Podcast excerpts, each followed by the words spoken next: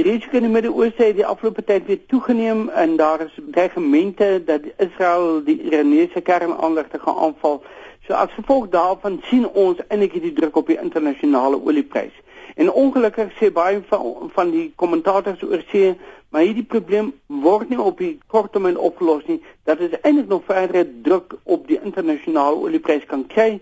Nou hopelik gebeur dan nie hierdie soort van werklike militêre konflik wat die oliepryse opjaag nie, want indien die olieprys van die huidige vlak van om by 125 dollar na 150 dollar toe sou verskuif, dan beteken dit eintlik dat dit die wêreldgroei negatief sal raak en Suid-Afrika sal ook daardie benadeel word. As al die verbruikers probeer spaar waar hulle kan op elektrisiteit en brandstof, vra mense die vraag, doen die regering dit ook? Ek dink dit is wel so dat hierdie soort van brandstofpryse wat op rekordvlakke is, eintlik vir ons sê jy moet brandstof bespaar waar dit moontlik is. As jy kyk na die energie situasie in die algemeen dan sê ja, dieselfde geld natuurlik met die elektrisiteitspryse.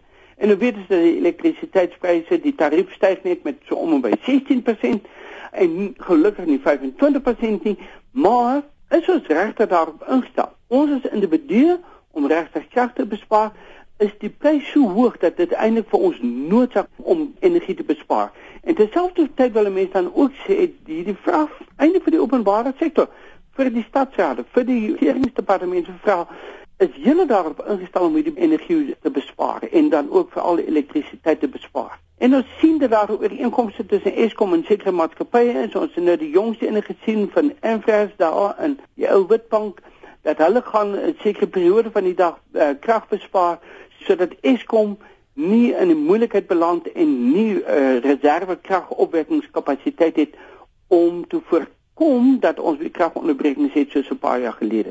As ons nou krag bespaar en energie bespaar, wat is die kans dat die pryse weer sal afgaan? As ons internasionale situasie sou kry dat die internasionale oliepryse daal en die rand bly stabiel, dan kan ons beslis 'n situasie hê waar die brandstofpryse weer afkom.